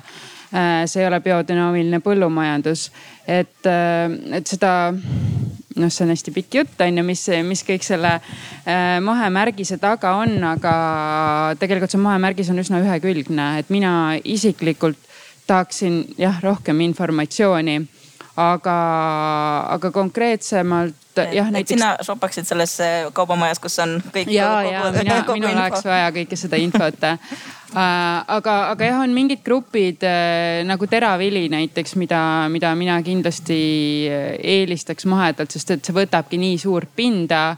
ja noh, ma tahaks teada, et seda pinda siis on ikkagi hoitud ja noh, mõned sellised grupid veel, et ähm, jah, see läheb nagu väga pikale, kui selle, sellest süvitsi minna, aga, aga see ei ole jah nii lihtne mm.. meil on üks küsimus publikus, et äh, kas sinna saaks mikrofoni? ma tahtsin selle kaubamaja kohta öelda, et, äh, et äkki võiks Eestis võtta ka kasutusele sellise süsteemi, et kus on märgitud toodetele, et näiteks, et kui keskkonnasõbralik ta on, et ka lihtsalt, et A-st E-ni samamoodi äh, noh, et kui äh, tervisesõbralik see on, et aastateeni, et see oleks võib-olla tarbijale lihtne, lihtsasti arusaadav kui see, et hakata läbi lugema, et nüüd, et nii nagu on elektroonika peal sellised need energiamärgised, punased, rohelised, et mis te kommenteerite? ma võib-olla kommenteeriks nii palju, et neid arutelusid tegelikult meil äh, ka Euroopa Komisjoniga on üsna palju, et selline üle-euroopalise keskkonnamärgise tekitamine, et nüüd Prantsusmaa ja Saksamaa on tekitanud endale sellise äh, valgusfoorisüsteemi punane, kollane, roheline. itaallastele see ei meeldi, sest oliivõli on punases, kuna ta sisaldab niivõrd palju kaloreid, et kuna see on nagu selline, ütleme valem, mis sealt tuleb ja sa pead selle valemi tegema piisavalt lihtsaks. siis on küsimus, et kas see on veel portsjoni kohta või saja grammi kohta, sest et oliivõli keegi sada grammi korraga ei joo ära, et.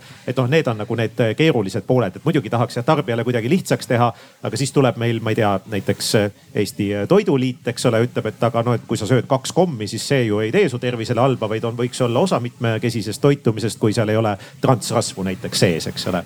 et ja siis me ütleme, aga teie panete selle punasesse, et noh, et, et kogu see nii-öelda noh, seal on suured ärid, ärilised huvid loomulikult taga, eks ole, miks see keeruline on. aga Saksamaa ja Prantsusmaa seda üritavad ja üritavad seda tekitada nagu üle-euroopalise skeemina ka aga noh, et kas ta täpselt sellisena nagu läbi läheb, on raske öelda, et ma ütleks, et seal on neid erandeid soovitakse üsna palju siis sellisel juhul ja, ja need kodulehed, mis, jah, seal on ka üks küsimus, et sinna palun mikrofoni ka, et ma, et need kodulehed toidufoor.ee ja kalafoor.ee on ka sellised vabaühenduse poolt sellised äh, variandid pakkuda tarbijale siis sellist soovitust, et kalafoori lehel te saate siis vaadata, et millised kalaliigid on äh, on, on turvalised osta, mis ei ole ülekalastatud ja Toidufoori lehel saab siis soovitusi selle kohta, et, et milliseid näiteks äh, liha või muid, muu toidu Äh, soovitusi antakse, aga palun, hea küsimus. et äh, väike, väikese nagu hilinemisega või siukse pika, pika niimoodi toimega, et, et sellest äh, toidu ja kalafoorist, et, et enne kui küsimus oli, siis ma ei jõudnud reageerida.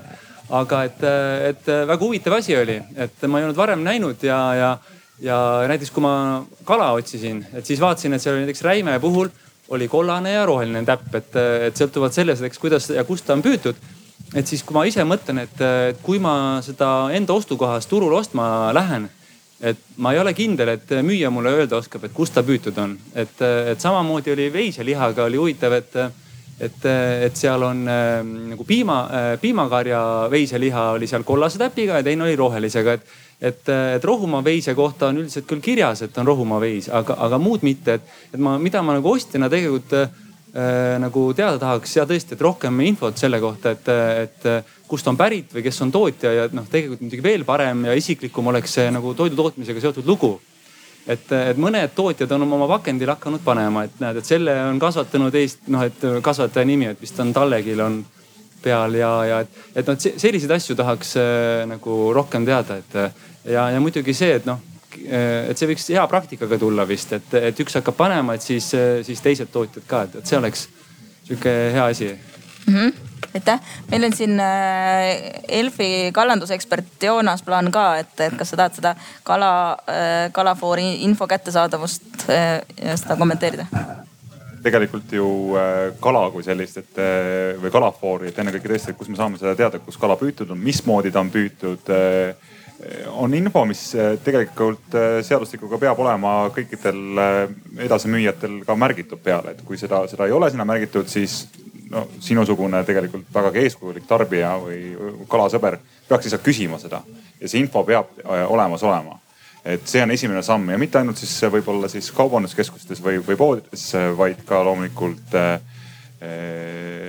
restoranides ja ongi see põhiküsimus tegelikult see toidu puhul, mitte ainult siis kala puhul, aga ka toidu puhul on seegi, et eh, kuidas ta on püütud, kuidas ta on kasvatatud, eh, kust ta pärit on. Eh, need on vast kõige olulisemad küsimused, mida me kõik võiksime, võiksime tegelikult küsida.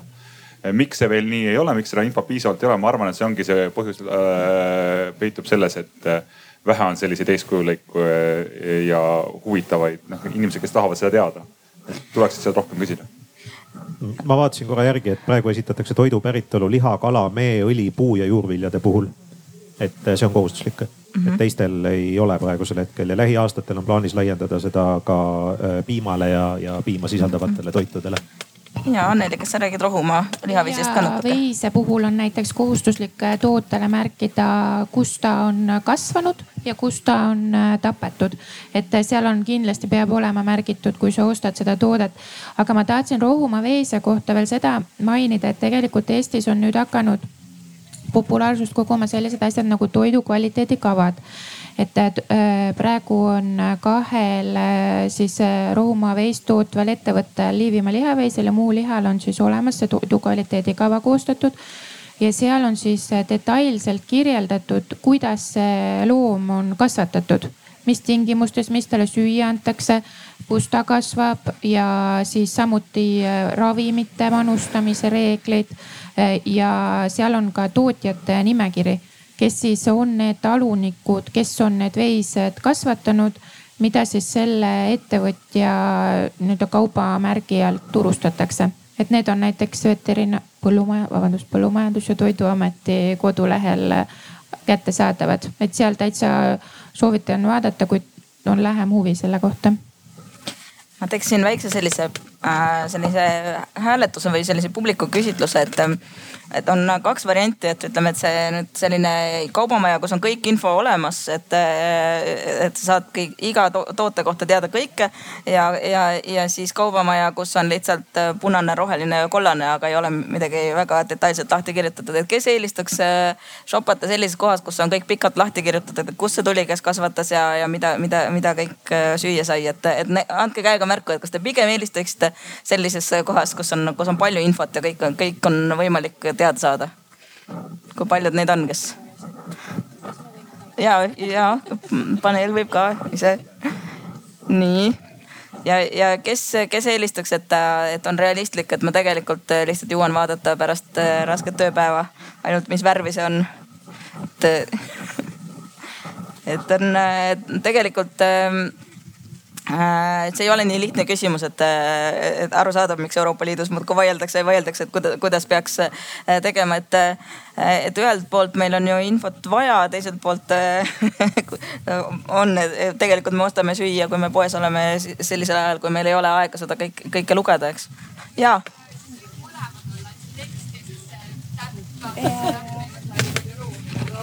ma tahtsin ka seda öelda, et mida rohkem teksti sa pead panema pakendi peale, seda suurem peab olema see pakend. et see on nagu see, sul on niigi neid kohustuslikke asju, mis seal pakendil juba praegu peab olema, on väga palju neid märgistusi ja kui sa sinna veel infot lisad, siis võib-olla väiksel tootel muutub see pakend veel suuremaks võib-olla see koht ei peagi olema pakend, vaid see info lihtsalt peaks olema kättesaadav, et, et kui ma ostan mingit standardset asja, mida ma enam-vähem iga, iga päev, iga nädal kasutan, siis ma võin korraks võtta selle internetilehe lahti ja, ja sealt ju seda lugeda, aga noh, tihti ei ole seda infot ka seal ja, ja, ja võib-olla iga toidu, kõik, mis meil menüüs on, võib-olla on mõned asjad, mida me ostame rohkem ja millel, mille mõju on suurem, et mida, mida on mille, mille infot me võib-olla loeme põhjalikumalt. ja palun. ma tahaksin lihtsalt kommenteerida, et, et kogu see info tootepakendil on minu meelest on see absoluutselt mittevajalik, kui kõik toit oleks tervislik, korralik, eks ju, ilma igasuguste pestitsiidide, antibiootikumideta. et see kõik läheb täpselt tagasi samasse, mida see noormees paremal rääkis, et vastutus pannakse tarbijale. et nüüd tarbija läheb poodi ja peab hakkama nüüd valima sealt, aga tegelikult võiks olla vastutus tootjal ja need nõuded kõik tootjale, et ta toodaks, et kõik toit oleks tarbimiskõlbulik ja mul ei ole vaja seda foori ega infot. ideaalis võiks see toode olla ka ilma pakendita ja ta on, ta on. või siis märgistama ja pakendi, pakendit suuremaks peavad tegema ainult need, kellel on siis eba, eba nii-öelda tervislik, et on punased ohutuled ja teised on lihtsalt okei okay,, osta. no praegusel hetkel ju kokkuleppeliselt toit on äh, tervislik, mis meie lauale jõuab, et see on äh, ju reeglite, reeglitega, nõuete koha, nõuetega ei ole ükski neist vastuolus. et pigem on küsimus selles, kas nõuded on liiga pehmed, eks ole, selle üle võib debateerida ja diskuteerida. aga ükski tootja ei tooda midagi praegusel hetkel, äh, mis on poes müügil, mis oleks vastuolus kehtivate nõuetega või ütleks, et nagu see on mul mürgine toit, et seda ostke, et seda ei tee ju keegi. et pigem on küsimus jah selles, et missugust me tarbijana siis eelistame. et selle jaoks meil on Euroopa Euroopa Toiduohutusamet, eks ole, kes testib erinevaid pestitsiide, erinevaid taimekaitsevahendeid, siis äh, samamoodi väetisi ja selle põhjal siis nagu tuvastab, eks ole, et milline on see norm, millest äh, nii-öelda allapoole inimesele kontsentreerumine oletatavasti kahjulikult ei mõju. parima teadusliku nii-öelda teadmise äh, kohaselt, mis praegusel hetkel teada on. ja selle põhjalt siis ka tootjad teevad oma valikud, mida nad siis kasutavad või ei kasuta sõltuvalt siis sellest, mis tüüpi nii-öelda tootmisega tegemist on, kas tavatootmisega või, või siis mahetootmisega või, või mõned toodavad ka nagu mõlemat, eks ole, et et ühelt poolt on meil, eks ju, olukord, et, et, et kõik, mis meil poes on saada, on, on justkui normaalne toit, eks ju, et, et mürki ametlikult meil Eestis müüa ei tohi toidu pähe.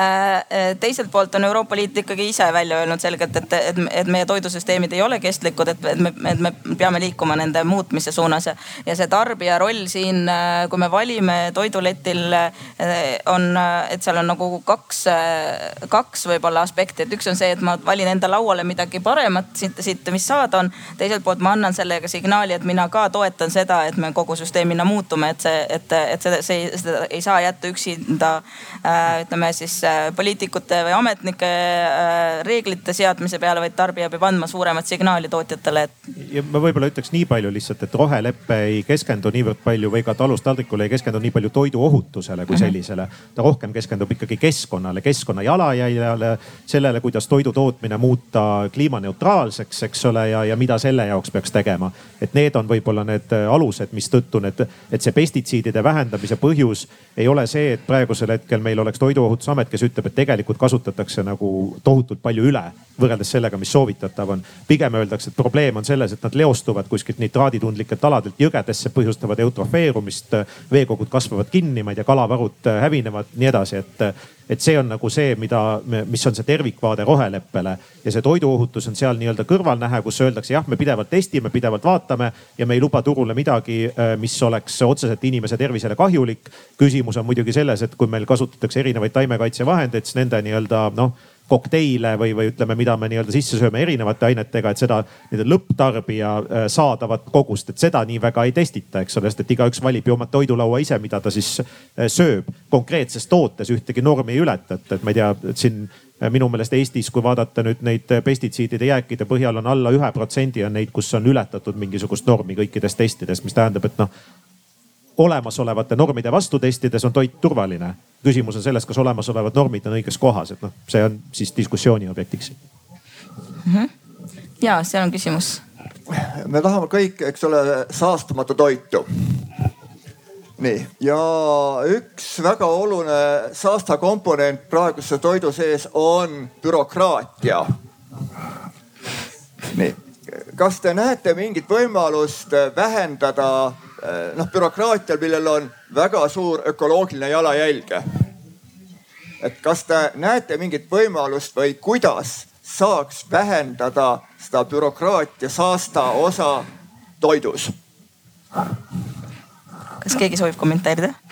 Ma ootaks kõigilt vastust seda võiks eelkõige toidutootjad kommenteerida, et kui keeruline on bürokraatia rägastikust. oletame, et no üks rägastik on kindlasti, mis puudutab toetusi, sellepärast et Euroopa Liit tahab kangesti, et tema raha kasutatakse vastutustundlikult ja seetõttu PRIA peab neid kontrolle läbi viima. see on nagu üks pool seal. Äh, aga Põllumajandus-Toiduametit vaadates, siis nende eesmärk on ju tagada seda, seesamane toiduohutus, eks ole, et, et lõppkokkuvõttes on nad eesmärgistatud. küsimus on seda, kas seda saaks teha lihtsamalt kuidagi nagu äh, mittetootjad sedavõrd äh, kurnates Äh, või, või noh, et millised need võimalused siis on, et, et kuidagi lihtsustada, aga seal võib-olla ootakski rohkem ettepanekuid mm, ma kohe ei oskagi selles mõttes vastata, et mul on suht meeldivad kogemused olnud seni nagu Põllumajandus-Toiduametiga. meil näiteks käis meie tootmises just äh, sellel nädalal Veteamet, vabandust, Põllumajandus-Toiduameti kontroll. väga tore kohtumine oli, kõik oli korras, vaatas üle, andis nõu saatis veel pärast lisainfot, mida me küsisime. et äh, ma selles suhtes ei tea, kas see nagu nojah, põhimõtteliselt mul kulus nagu üks päev ära selleks on ju, aga samas ta tuleb nüüd aasta pärast alles uuesti. et selles suhtes ei olnud nagu selline ülearu minu meelest nagu palju ei kulunud aega selle peale. ja samas ma saan talle alati helistada sellele ametnikule, kui mul midagi vaja küsida on.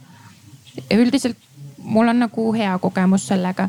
PRIA-st me oleme äh, ka toetusi taotlenud, on ka positiivne kogemus olnud, et selles suhtes see ilmselt võib-olla sõltub sellest ilmselt see sõltub sellest, kas sul on kõik nagu nõuetele vastav, aga noh, kui sa toitu toodad, siis nagu sul peaks olema.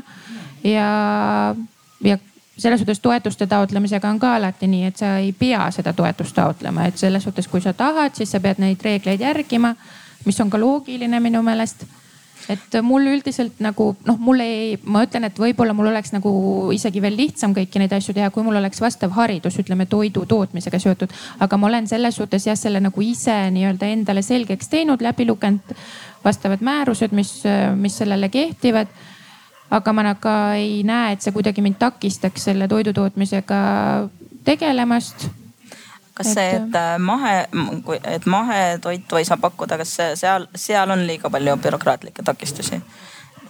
E, mõnes mõttes ma saan aru sellest loogikast, et sul peab olema siis kogu see ahel nagu, et selles suhtes meil nagu äh, noh, on see üks lüli sealt puudu, ma saan sellest aru, et me ei saa seda panna sinna, kuigi meil on mahetootjad, et selles suhtes, aga nagu see ei ole ka tegelikult meid kuidagi takistanud oma toodet müümast.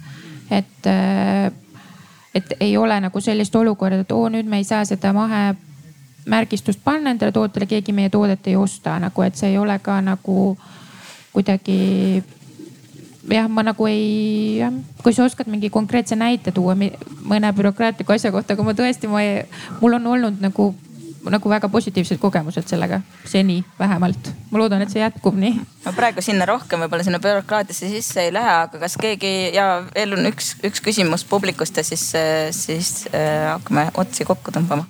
ma tahtsin küsida, et kas teil on ka ideid, et kuidas äh, teha mahetoodangut äh, rohkematele inimestele kättesaadavaks. praegu ikkagi paljude jaoks on see hind probleemiks. mul endal tegelikult on ka üks hea kogemus sellega, et äh, Euroopas on kasutusel näiteks selline mobiiliäpp nagu Too good to go ehk äh, liiga hea, et ära visata. ja seal saavad siis poed pakkuda väga odava hinna eest sama päeva kuupäevaga tooteid. et siis on võimalik ka näiteks ka mahetoodangut osta, et, et kas teil on mingeid teisi, teisi ideid, kuidas mahetoodangut kättesaadavamaks teha? Aga see sobib meile väga hästi nagu lõpuringi küsimuseks ka, et, et mis, mis siis need on need, need sammud, mis teie arvates oleks vaja äh, panelistide arvates nüüd, nüüd teha, et me selles äh,, selle rohepöörde toidulaual saaksime ära, ära pööritada, et äh, ja et mis, mis on kõige võib-olla lootustandvamad sellised initsiatiivid ja, ja soovitused? Mahetooreinet ju toodetakse ja kui ma võtan nüüd ühe lasteaia toitlustaja seisukohalt, siis tihtipeale probleem jääb sinna, et ta ei tea, kes toodab ja kuidas ta tarnib. maaülikooli mahekeskus pani meie jaoks küll selle tabeli kokku, eks see täieneb ju ka kogu aeg. ja hakati tunduvalt rohkem tellima, kõigepealt jõudiski kohale see maheteravilja helbed ja, ja sealt juba edasi Pajumäe mahetalu piimatooted ja, ja Liivimaa lihaveise hakkliha ja ta niimoodi tuleb, aga tõepoolest see turunduse pool on, on omaette teema, kus tarbija teab, kust seda saab, milliste tingimustega käib see logistika ja probleemiks on Lõuna-Eesti toiduvõrgustikuga olnud see, et kuna on internetis tellimine ja päev enne läheb äh, majandusjuhatajale teade, et oi, toode on lõppenud, siis äh, kinnitatud menüüdega paraku haridusasutus toimetada niimoodi ei saa. et see on see valukoht ja kui bürokraatia pool siia kõrvale võtta, siis on äh, haridusasutused ootavad pikisilmi toitlustuse määrust, sest vana on ikka kõvasti ajale jalgu jäänud. Anneli? ma nõustun eelkõnelejaga, kõnelejaga nende tarneahelate osas, et see on nagu hästi oluline. et kui sa oled väike tootja, siis see logistika on sinu jaoks hästi kulukas osa sellest äh, müügist. et äh, eriti kui sa oled saare peal näiteks, siis äh, saada oma toode kindlaks ajaks kuskile kindlasse kohta, eriti kui see veel vajab eritemperatuuri, on hästi keeruline. et see mm, võiks olla võib-olla kuidagi ma ise, me oleme hästi palju arutanud seda teiste kohalike tootjatega, kuidas seda siis teha, kas mingi ladu kuskil vaheladu või ma ei tea. noh, ühesõnaga see peaks olema võib-olla kuidagi ühiselt kuidagi mõelda seda, et, et kas siis kuidas seda transporti näiteks korraldada, et, et see on just, et toode on olemas, see on seal kuskil kindlas kohas, aga kuidas see, see tarbijani saada, see on nagu tihti nagu keeruline jah mm. -hmm Laura Äh, see on küll väike osa meie toidulauast, aga mina näen siiski äh, ühe väga teostatava võimalusena linnaaedu. ja ma saan aru, et äh, Tallinnas ja Tartus see on juba üsna elementaarne, et igal linnaosal on oma aed. Pärnust, kust mina tulen, see on väga lapsekingades ja me peame ikkagi väga tõestama, et miks me seda teha tahame aga, aga see on kindlasti väga-väga lihtsalt tehtav asi aitäh, Siim. ja et äh, no üks võimalus äh, mahetootjatel muidugi on seljad kokku panna, et äh, meil on ka üsna suured toetused tegelikult tootjaorganisatsioonide moodustamiseks erinevates valdkondades uuel perioodil. et kui oleks meil selline mahetootjaorganisatsioon tugev, mis hõlmaks sektori erinevaid segmente, et siis see võiks kaasa aidata kindlasti ka ühisele turustamisele, et ma arvan, et seal on teistest sektoritest üht-teist ka Äh, õppida, et äh, muidugi, mis puudutab seda hindade äh, taskukohasust, siis ega siin me peamegi küsima enda käest, kas meie toit on liiga odav, eks ole, et, et ütleme niimoodi, et et praegusel hetkel mahe ikkagi toimetab meil suhteliselt äh, suuresti, valdavas enamuses toetuste peal. ehk siis, kui meil näiteks mahetoetused tagant ära kukuksid, siis keegi meil teravilja tõenäoliselt mahena ei toodaks, et äh, sellisel moel ja nii on ta ka mujal maailmas. kui me vaatame ka maheturgu siis, siis üheksakümmend protsenti on Põhja-Ameerika ja Euroopa turud, väljaspool seda ei ole eriti midagi, et on üsna minimaalsed praegusel hetkel. nii et ka globaalsel tasandil, et mahehinnad võivad alla tulla sellisel juhul, kui jõustub äh, või riigid võtavad tõsiselt alustaldrikul eesmärki tõsta kahekümne viie viie protsendini mahemaa osakaal ja selliselt, et seal peal ka midagi kindlasti toodetakse. Et sellisel juhul tulevad mahehinnad tõenäoliselt alla, aga kui tootjate omahinnad jäävad kõrgeks, et siis tõenäoliselt tekib ka üsna palju pankrotte selles samas mahesektoris, nii et seal need dilemmad saavad olema üsna suured, et mu enda võib-olla selline tagasihoidlik unistus oleks pigem see, et kui ütleme, selline äh, kohalik äh, toit meil äh, oleks endiselt populaarne, aga oleks ühtlasi ka kõige tervislikum, keskkonnasõbralikum ja ka taskukohasem. et kui me sinna jõuaksime, siis see oleks juba väga suur samm edasi, ükskõik kas siis mahedana või, või, või mingil muul moel, et, et ma seda mahet eraldi nagu võib-olla siin ei rõhutakski, aga, aga jah, see kättesaadavuse ja see, need küsimused, nõustun ka eelkõnelejatega mm. -hmm. aitäh, Dan ja, et äh, mulle tundub võib-olla kõige, vähemalt väga tähtis äh, jah, fokusseerida just kommunikatsioonile. et nii palju erinevad kategooriad ka mul kui tarbijal, et kas ta on vegan ja loomadesõbralik või taimetoit või ta on öko või bio või mahe või miljon asja veel, et noh, nii palju kategooriaid, mille vahel valida. et mis, mille järgi ma siis valin, mis on kõige tähtsam ja kuidas ma üldse ära hindan selle, et lõppude lõpuks võib juhtuda see, et ma lihtsalt ei jõua et suva, ma lihtsalt ostan, noh, ma ei tea, kõige odavama või mis, ma ei tea, kõige kiiremini kätte saan. et seda nagu mingid kategooriad paika üldse panna, et millest me räägime. et nad on väga sarnased mõisted, aga nad ei ole kõik samad. ja see lihtsalt tekitab segadust ja kõike seda siis kommunikeerida ka, kuna teadmine on tegelikult olemas ja lihtsalt need otsad kokku viia tarbijatega mm. -hmm. suur tänu, et ja meil on Äh, kui ma omalt poolt kokku võtan, siis mulle tundub, et meil kõlasid just needsamad äh, asjad, et, et, et see kättesaadavus ja, ja et me tunneksime oma toitu, me tunneksime oma toidu, toidutootjat ja, ja et, ähm, et me kasutaksime ära kõik need tugevused, mis meil Eestis on, et, et seda rohepööret siinsamas Eestis teha, mitte, mitte jääda ootama kellegi äh, kellelegi Ursula suuri juhtnööre, vaid, vaid me suudame ise oma, oma kodus planeedisõbralikult tegelikult toitu toota, aga me tahame nüüd väga tänada paneliste. panelistidele väiksed kingitused ja meil on väiksed kingitused ka tublidele küsijatele, et kes, kes küsimused küsisid, et meil on siin ühed töövihikud te, teile ka, aga äh, aplaus panelistidele. suur tänu tulemast. Et küsijatel oli meil ka. kes seal? vaata seal andke käega märku siis, äh, kes küsis, siis äh, saate natukene mm, Tartu Ülikooli Mahekeskuse, äh, Maaülikooli aga aitäh kõigile. selge see, et ega